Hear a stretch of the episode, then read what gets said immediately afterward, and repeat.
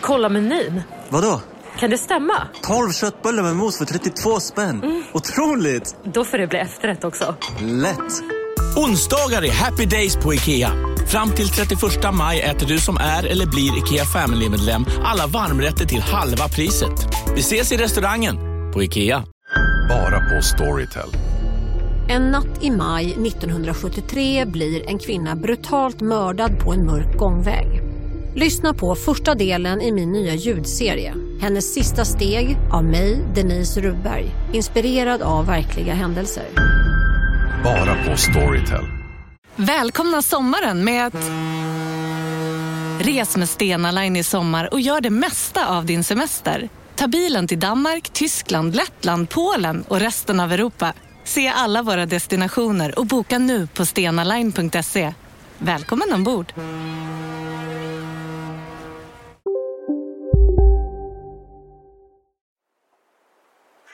Det här är en mörk historia, Skuggland. En undersökande serie i tre delar tillsammans med frilansjournalisten Love Lysarides. Berra. Alla här i trakterna verkar veta vem han är. Jag börjar snart förstå varför. Ryktet här på bygden är att Berra på 90-talet drev ett av Smålands största hembränningsnätverk. Alltså han gjorde egen sprit och sålde den. Och det var en sån där riktig Breaking Bad-historia. Det började med några dunkar sprit i en lägenhet men blev sen en riktig business på industriell skala. Till slut hade han som mest en kapacitet att brygga 5000 liter sprit åt gången. Det är alltså 33 badkar med sprit. Och Det verkar som att alla här i trakterna visste om vad som pågick. Jag har fått berättat för mig att Systembolagets butikschef i Emmaboda liksom brukade morsa på Berra på stan och skoja om att Berra var Systembolagets största konkurrent. Och när Berra sen åkte fast och slutade göra sprit så sägs det att det lokala Systembolagets försäljning ökade med 40 procent. Men Berra avtjänade sitt straff och hamnade så småningom här, i byn Hermanstorp. I Hermanstorp började anmälningarna strömma in. Saker började hända. Småbrott började förekomma runt om i bygden. Knark, olovlig körning, inbrott. Och så till slut händelsen. Den 12 juli 2018. Anledningen till att jag är här nu. Nazistledaren blir skjuten i benen. Du lyssnar på en mörk historia, Skuggland det här är den andra delen. Sveriges vilda västern.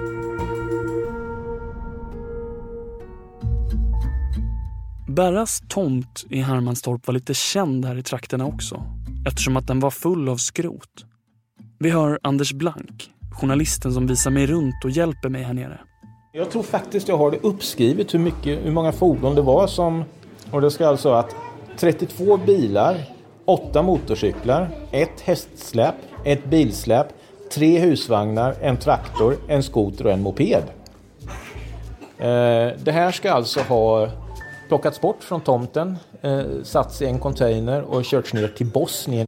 Hela den här grejen med att Berra har blivit bortkörd är så märklig. Jag har försökt leta efter domar och utredningar och grejer om det här men hittar ingenting. Hur är det möjligt? Att en man blir av med sitt hus utan att någon reagerar. Utan att någon blir dömd. Jag tror ju att det är, det är en bortglömd del av, från myndighetens sida, en bortglömd del av den här landsändan. Så det är, alltså, glesbygden har dränerats på, på människor. Eh, på händer och fötter egentligen. Va? Byskolor läggs ner, närlivs försvinner. Då kan det vara en speciell kategori människor som, som blir kvar. Eller söker sig dit sådana som liksom vill komma undan lagens långa arm. Och knarket verkar vara en viktig del av allt det här. I de här trakterna har knarket ökat lavinartat. Antalet narkotikainnehav har fördubblats och i vissa fall tredubblats de senaste åren runt om i Småland. Och det är många som, många som återkommer till det där också, så kallar det här för vilda västern. Att det är laglöst. Några månader innan skotten i Hermanstorp hissades också en nazistflagga här. Nyheterna från P4 Kalmar. På flera håll i landet så har nazistsymboler satts upp senaste dygnet. Främst i Stockholmstrakten men nu även på ett par håll i Flaggan hissades på flaggstången i den lilla byn Boda glasbruk. Och det är här jag är nu. I hjärtat av det som kallas för glasriket. Jag står och tittar på flaggstången. Det var på Hitlers födelsedag, den 20 april. Ortsborna här blev helt ställda. Det var första gången något sånt hade hänt och tydligen var det några som tog ner flaggan och brände upp den. Just nu händer ingenting. Flaggstången är tom. Men en gång i tiden, när den här flaggstången restes, hängde en helt annan flagga på den. Flaggan för Kosta Boda-koncernen. Kända över hela världen för sitt glas. Det är kanske inte så många som vet varför glastillverkningen i vårt land är så starkt koncentrerad till Småland. Men det beror helt enkelt på att man har så gott om bränsle här. Det är alltså med den småländska skogen man eldar i källarugnarna. Jag har fått höra att så sent som på 80-talet var hela gatan fylld med parkerade turistbussar. Konstnärer strömmade hit från hela världen för att jobba med glas. Ska i Wien och i Göteborg, i Kapstaden, Olympiaden i Berlin, Borås, Ystad och Sydney och Huskvarna. Förväntansfulla turister med kameror som gick till kiosken runt hörnet och köpte glas och glass. Det är ett hantverk, men precisionen är rent beundransvärd. Form och vikt blir lika från det ena glaset till det andra. Vi får väl gå ner och se på trollkonsterna. Tack, då går vi dit. Det fanns till och med en egen utomhuspool här. Där det sprang omkring små barn som säkert skrattade och lekte och blåste såpbubblor på fåglar. Men nu är det tomt. Jag har inte sett en människa här på snart över en timme. Byskolan har lagt ner. Butiken också. Den där utomhuspoolen har fyllts igen med grus och är nu en bolbana för den lokala PRO-föreningen. Kina började göra glas för en bråkdel av priset. Glasrikets glansdagar är över.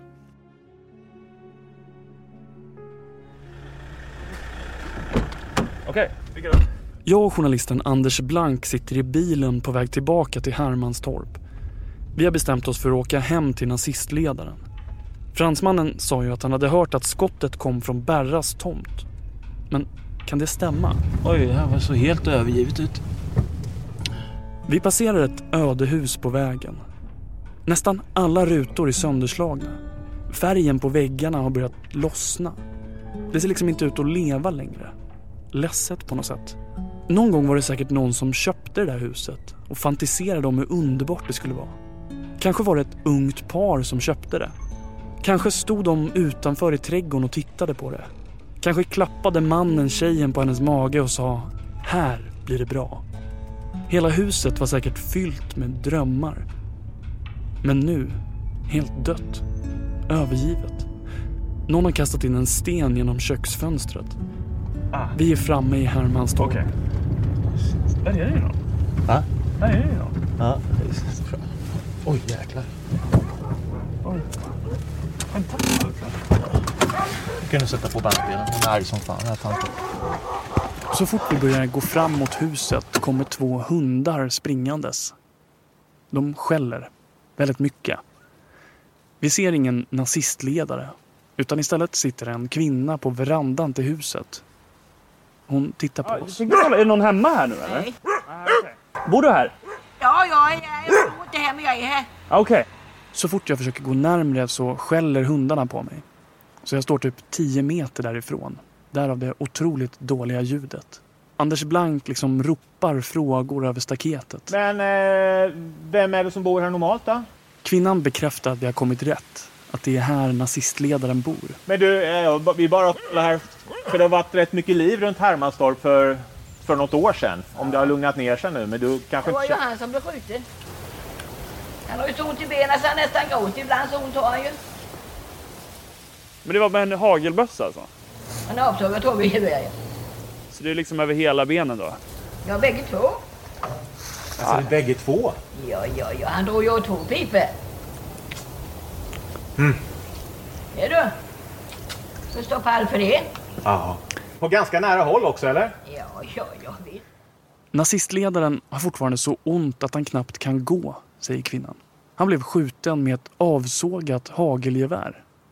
Alltså först en explosion och sen ett regn av hagel. Aj! Men vem var det som sköt? Jag ser det på henne. Hon vet vem det var. Vet vem man blir skjuten av? Nej. Ja, det vet jag, men det spelar ingen roll. Fransmannen sa ju att han hade hört att skottet kom från Berras tomt. Men kvinnan på verandan började nästan skratta. Bara av tanken på att det skulle ha varit Berra. Han kan ju inte skjuta Vem var det då? Nej, det säger jag inte. Jag skulle vilja börja och titta på det i alla fall. Du kan väl ge mig ett tips? Nej, jag säger ingenting, jag säger ingenting sagt. Men hur, hur kommer det sig att du vet vem det är som sköt eller har du hört från annat håll? Nej, det är det inte. Nej, han vet väl inte vem det är. Men jag vet att... Jag vet att det är bra. Du vet hur det var? Vet jag. Ja. Men nu, om vi, skulle, om vi skulle börja försöka hitta vem det var som sköt, vart skulle vi börja leta då? Det vet jag inte nu. Inte en aning. Ja du, då är det. Ja. Usch ja.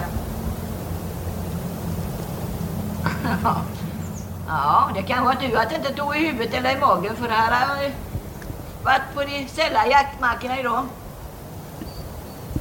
Man kan ju lika gärna smälta den i magen vet du. Det är ena gången vilda västern här. Jag är så nära svaret på den här gåtan. Svaret på vem som sköt nazistledaren. Det enda som står i vägen mellan mig och gåtans svar är ett staket och två hundar.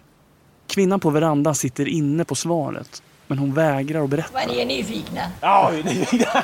Det är som gamla skvallerserier. Annars får man aldrig veta något. Nej, jag vet det. Det sa, det sa alltid min mamma. Jag är inte nyfiken bara för att veta att så. Till slut ger hon oss ett namn. Skuggan kallar de mig för. Ja, Mm. han bor ju där också. Hon nämner en man som kallas för Skuggan. Och det där namnet känner jag igen. Jag har hört det någonstans. Jag kommer ihåg en grej som fransmannen sa i förbifarten. Alltså Berras granne. Skuggan ska du säga, hon är mycket speciell. Ganska så social, eh, ganska så... Alltså hon är, hon, är, hon är inte normal. En man som kallas för Skuggan ska tydligen ha bott på Berras tomt. Och han skulle då alltså kunna vara ett ögonvittne till det som har hänt. Men vem är Skuggan? Och var är han nu? Kvinnan ger oss vaga instruktioner om var han bor. Vet du var banken ligger? Gamla banken Ja. ligger? Ja, det går ju en väg mitt emot där nere. Vad är, vad är skuggan för typ annars? Vet du det? Han är väl som de andra missbrukare. 20 katter. Vänta, hörde ni vad hon sa? 20 katter. 20 katter. Det var ju det fransmannen pratade om. Att när Berra försvann från Hermanstorp så började det krylla av katter. Jävla katter. Sedan de flyttade vet du, så det vimlade av katter. Det var katter under huset. Skuggan kan vara nyckeln till hela svaret. Han ska enligt kvinnan ha varit där och sett vad som hände. Han kan vara precis den vi behöver prata med. Jag och Anders hoppar in i bilen. Vi följer de vaga instruktionerna som vi har fått. De var för övrigt helt fel, men till slut hittar vi dit. Det är ett ganska stort hus. Tomt. Men jag vet att vi är på rätt ställe. För bakom mig Katter. Vi går runt huset och letar i trädgården. Och jag förstår nu varför han har fått smeknamnet Skuggan. För helt plötsligt bara dyker han upp och tittar på oss. Skuggan vill inte vara med i en inspelning. Det respekterar vi. Så ni kommer inte höra något av honom i det här programmet. Jo, vi svänger in på en grusväg där eh, i ett uthus står den här berömde mannen då, Skuggan. Jag bad istället Anders Blank sammanfatta vad han berättade för oss direkt efteråt. Han fick tydligen sitt, sitt, sitt smeknamn av någon affe när han gick i åttan och sen har han hängt med. Han vet inte riktigt varför han, han kallas för Skuggan. Han var pratig men ändå svårpratad och man, när man kom in på händelsen runt Hermanstorp så, så ville han både berätta men in, inte berätta. Jag tror han tre, fyra gånger återkom till att det här har inte jag med att göra, det får ni prata med, med andra människor om. Men han gav oss ändå lite info om vad det var som hände den där kvällen. Att det hade varit stökigt nere på Berras tomt. Det berättar nu Skuggan att, att, att så var det. Och det, det, det stämmer med de vittnesuppgifter jag haft att eh, gick upp till, eh, till huset i Hermanstorp eh, för att han ville bli av med alla knarkare som han tydligen sagt innan då. Och började vifta med någon, någon kniv, vad jag har hört i bajonett då. Och sen hör skuggan ett eller två skott. Vi har fått höra två versioner av vad som har hänt. Två personer, fransmannen och skuggan, säger att skottet kom från Berras tomt. Det ska understrykas att det bodde många människor på tomten och det är svårt att säga exakt vem det var som sköt. Men kvinnan som vi mötte hemma hos nazistledaren säger att det absolut inte gjorde det. Och hon är ju faktiskt den enda som har pratat med nazistledaren själv. Skuggan ger oss ytterligare ett namn. Personen ska inte ha någonting med skjutningen att göra men han spelar en roll i att Berra nu håller sig borta från Hermanstorp. Skuggan kallar honom för Svarte Petter. Och han ska ha varit en del av det gänget som körde ut Berra. Ni vet de som fransmannen pratade om. De skojar inte de där. De kommer från Motala va. Något sysslar med hög. Vid sjön där. Svarte Petter är då den här människan som då på något sätt har, har kommit över Hermanstorp. Eller huset i Hermanstorp. Att Berra har blivit fördriven bekräftar nu alltså skuggan. Den, den har väl också fått bekräftat flera gånger idag den här historien att, att eh, det är en skuld som skulle regleras. Eh, skuggan var ju lite mer innehållsrik i när han berättade det här. Att det var, det var en skuld på närmare 300 000. Och att eh, de här människorna såg över det här huset. Eh, förmodligen inga pengar inblandade även om lagfarten säger 300 000 kronor. Sen eh, tömde de hela, hela tomten på fordon. Jag tror faktiskt jag har det uppskrivet hur, mycket, hur många fordon det var som... Och det ska alltså att 32 bilar. Folk säger till oss att Hermanstorp har blivit ett centrum för den lokala droghandeln. Personer blir skjutna, gäng tar över hus och utredningen läggs ner. Hur har det blivit så här? Vi sätter oss i bilen igen. Hur svårt kan det vara att utreda en sån här sak? I Hermanstorp, en by där inte bor mer än en handfull människor. Var är polisen? Och det är många som, många som återkommer till det där också, så kallar det här för vilda västern. Att det är laglöst. Anders Blank har skrivit massor om precis det här. Alltså polisnärvaron på landsbygden. Ni har väl inte missat att alla takeaway förpackningar ni slänger på rätt ställe ger fina deals i McDonalds. Även om skräpet kommer från andra snabbmatsrestauranger. Exempelvis... Åh, oh, sorry. Kom, kom åt något här. Exempelvis... Förlåt, det är något skit här. Andra snabbmatsrestauranger som... Vi, vi provar en talning till. La, la, la, la, la. La, la, la, la. Om en så vidde på väg till dig för att du råkar ljuga från kollega om att du också hade en och innan du visste ordet av du hem kollegan på middag och... Då finns det flera smarta sätt att beställa hem din sous på. Som till våra paketboxar till exempel. Hälsningar Postnord. Hej, Susanne Axel här. När du gör som jag och listar dig på en av Krys vårdcentraler får du en fast läkarkontakt som kan din sjukdomshistoria. Du får träffa erfarna specialister, tillgång till lättakuten och så kan du chatta med vårdpersonalen. Så gör ditt viktigaste val idag, lista dig hos Kry. Och han menar att poliserna idag har alldeles för stora områden att hålla koll på. En gång åkte han med i en polisbil för att göra ett reportage med en polischef. En gruppchef som eh, jag hängde med en, natt och eh, han berättade då att hans område sträckte sig från han utgick från Kalmar, en Gamleby i, i norr som är kanske 16 mil eh, norr om Kalmar till eh, någonstans i Sölvesborgstrakten i västra Blekinge.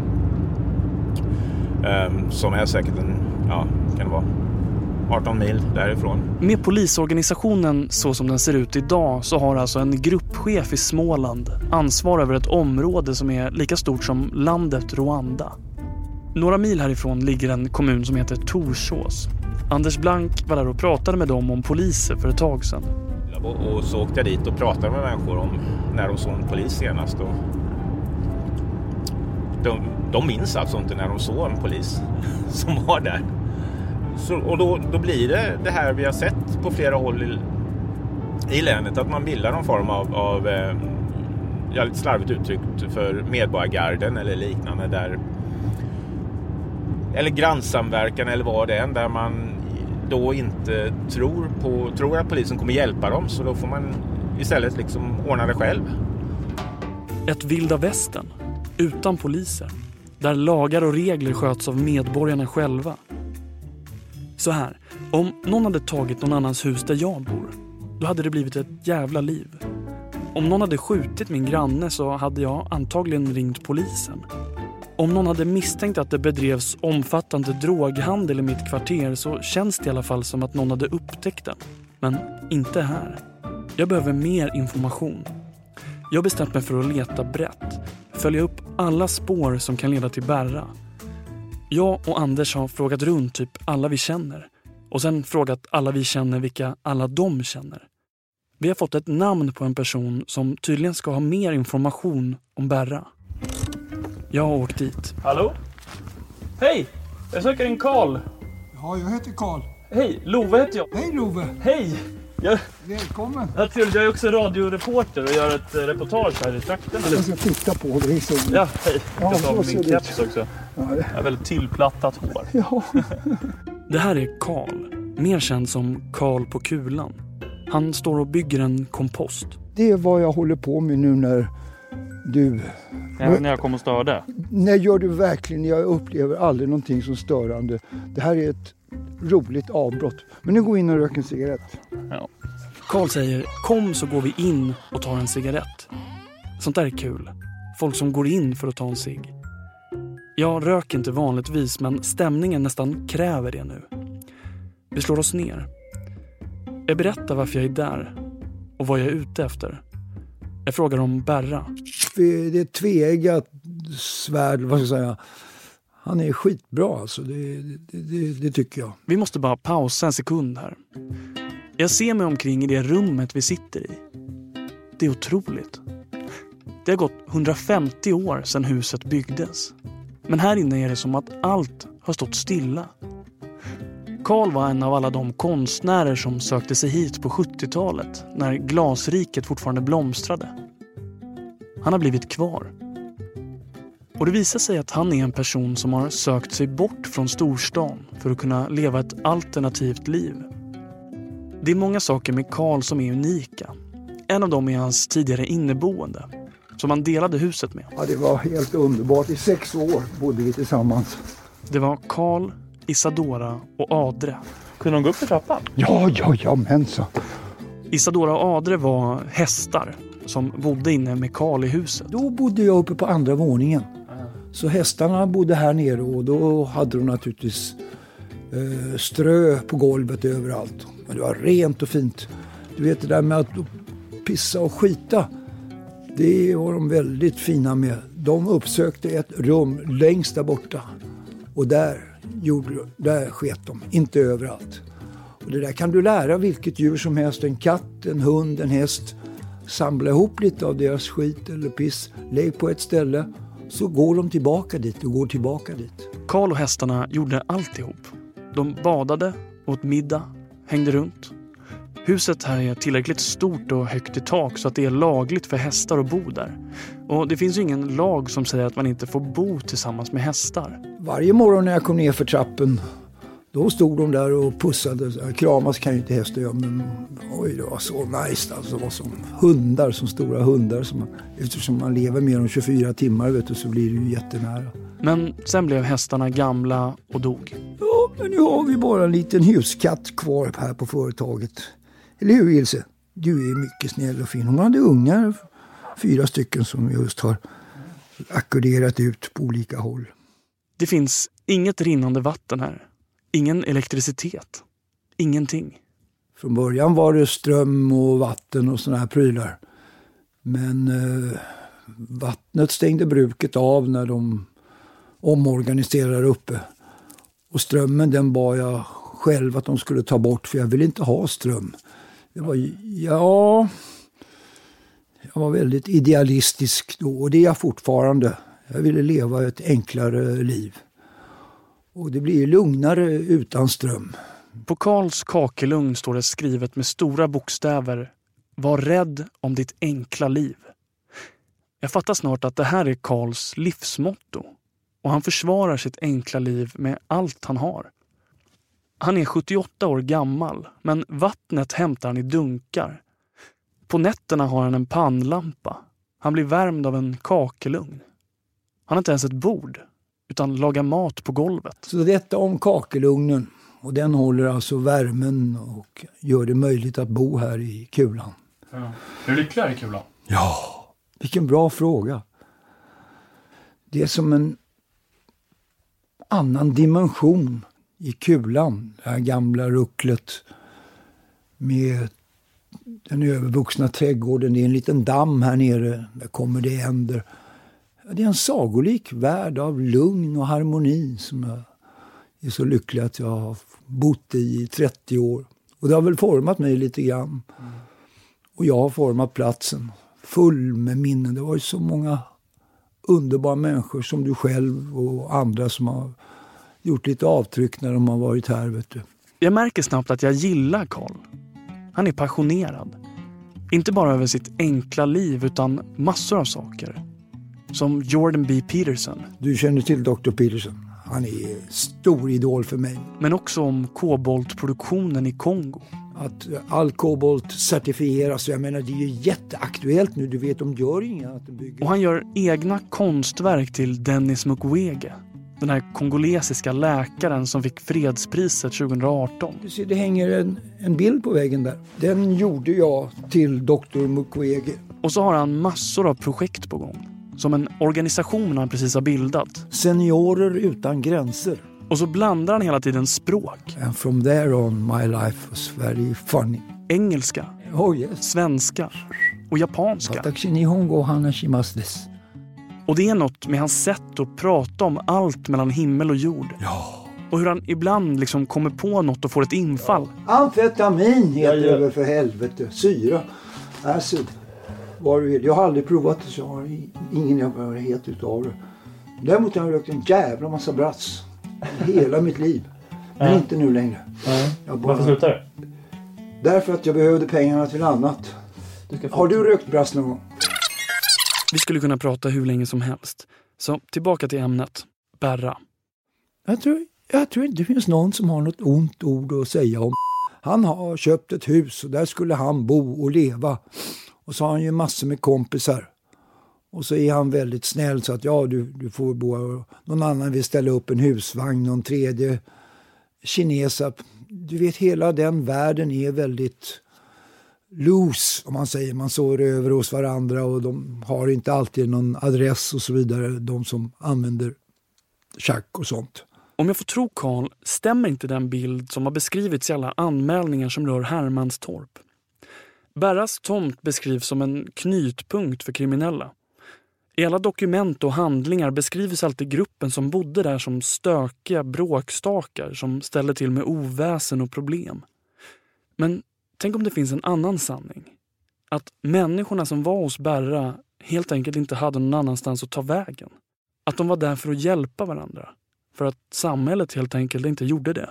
Alltså kommunen var ju så jävla fega. De vågar ju inte sticka näsan in till Hermanstorp och göra någonting. Inga planer, ingen auktoritet, ingenting. Ja, jag har bara gott att säga om Han har ett mjukt och fint hjärta. Men du vet, det, det, det duger inte att använda droger i vårt samhälle. Det finns ingen tolerans för det. Sverige är väl det mest intolerant, ett av de mest intoleranta ställena vad det gäller droger. Droger. I vårt samtal är det ofta det vi kommer tillbaka till. Och jag förstår snart varför. Jag har jättemycket erfarenhet och jag var tillsammans med en snubbe. Han heter Ranjit från Sri Lanka. Och det var liksom det bästa som har hänt i mitt liv. Men det kunde jag ju inte bejaka då, för det är ju inte bra att vara bög och så allt möjligt. Men sen, Vad är gammal då? Jag är 37 år gammal, vuxen, han var heterosexuell som aldrig sett en ståkuk i mitt liv. Alltså otänkbart. Och sen helt plötsligt. Ja, sen smög jag ju som tusan med det och, och låtsades vara heterosexuell och knullade runt med massor med brudar här och hade dåligt rykte och grejer. Det var jättekul.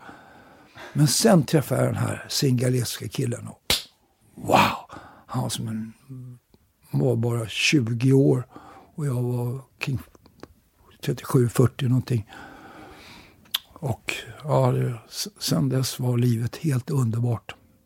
Och eh, de första fem åren, då var det så bra. Men sen så råkade han bli påkörd av en sån här vit herointruck. Ja, det var ett helvete alltså. att Springa och jaga honom nere på plattan och leva tillsammans med en heroinist. Jag lovar dig, det är så besvärligt. Jag älskade honom överallt på jorden också. Så. Nej, vad jobbigt. En gång sa jag till honom det som man absolut inte får säga, men jag gjorde det i alla fall. Jag var på Sri Lanka och skulle ta hand om honom. Han hade skrivit att han var så nere. Han låg som ett skitigt bylte i någon jävla hydda. Och så sa han, men Carl, can't we go and buy some heroin? Och då säger jag min klantarsle, du får välja alltså. Du får välja mig eller heroinet. Vad tror du grabben väljer? Det är klart det är Karl. Jag väljer dig, jag väljer dig. Då kände jag mig så jävla skitig och dålig så jag kom igen grabben, vi går och käkar lite heroin. Så det är ett olösligt jävla problem. Han dog för 20 år sedan på Sri Lanka. Han var på väg hit. Vi bodde ömsom där och ömsom här.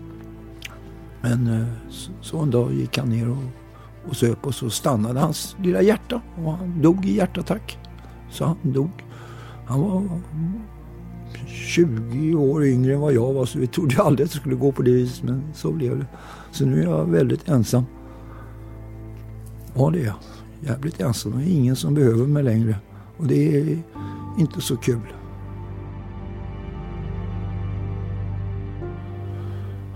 Är det någon som behöver dig? Det börjar bli sent. Jag har fortfarande inte fått tag i Berra. Jag möter upp Anders Blank igen. Vi hoppar in i bilen och hinner bara köra några meter innan det ringer på hans telefon. Ja, ja. Det är en markägare. Ja. Han har upptäckt något på sin tomt. Ja, ja. En husvagn. Ja.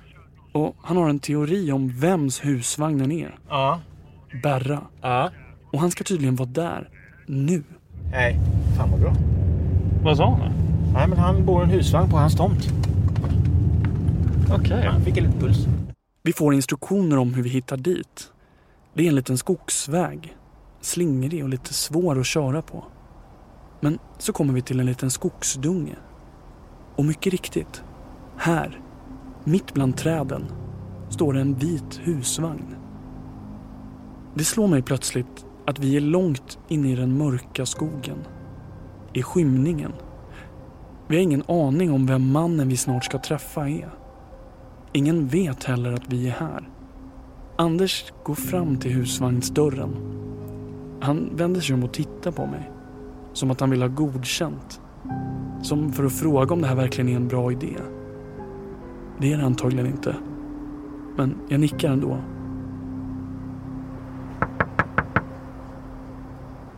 Nästa gång. Det här. Jag måste bara fråga. Det var inte, det var inte, det var inte du som sköt? Du har lyssnat på det andra avsnittet av En mörk historia, Skuggland. Tryck på prenumerationsknappen i din podcastspelare för att inte missa nästa del. Eller lyssna nu direkt på hela serien på Podme. Där hittar du också idag ett helt nytt avsnitt om mordet på 28-årige Joakim i Kiruna. Det här programmet är gjort av Love Lysarides, Joel Silberstein Hont och mig, Karl Fridsjö. Slutmix Fredrik Nilsson, originalmusik Anders Thorén. En mörk historia görs av produktionsbolaget Just Stories.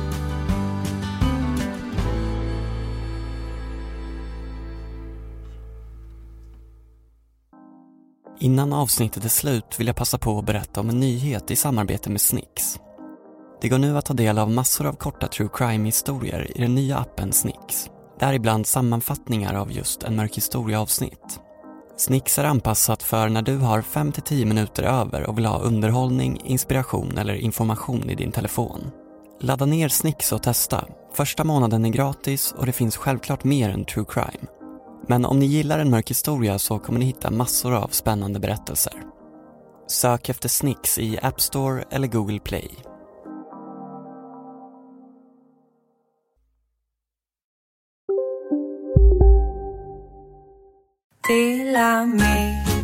Hej! Är du en av dem som tycker om att dela saker med andra? Då kommer dina öron att gilla det här. Hos Telenor kan man dela mobilabonnemang.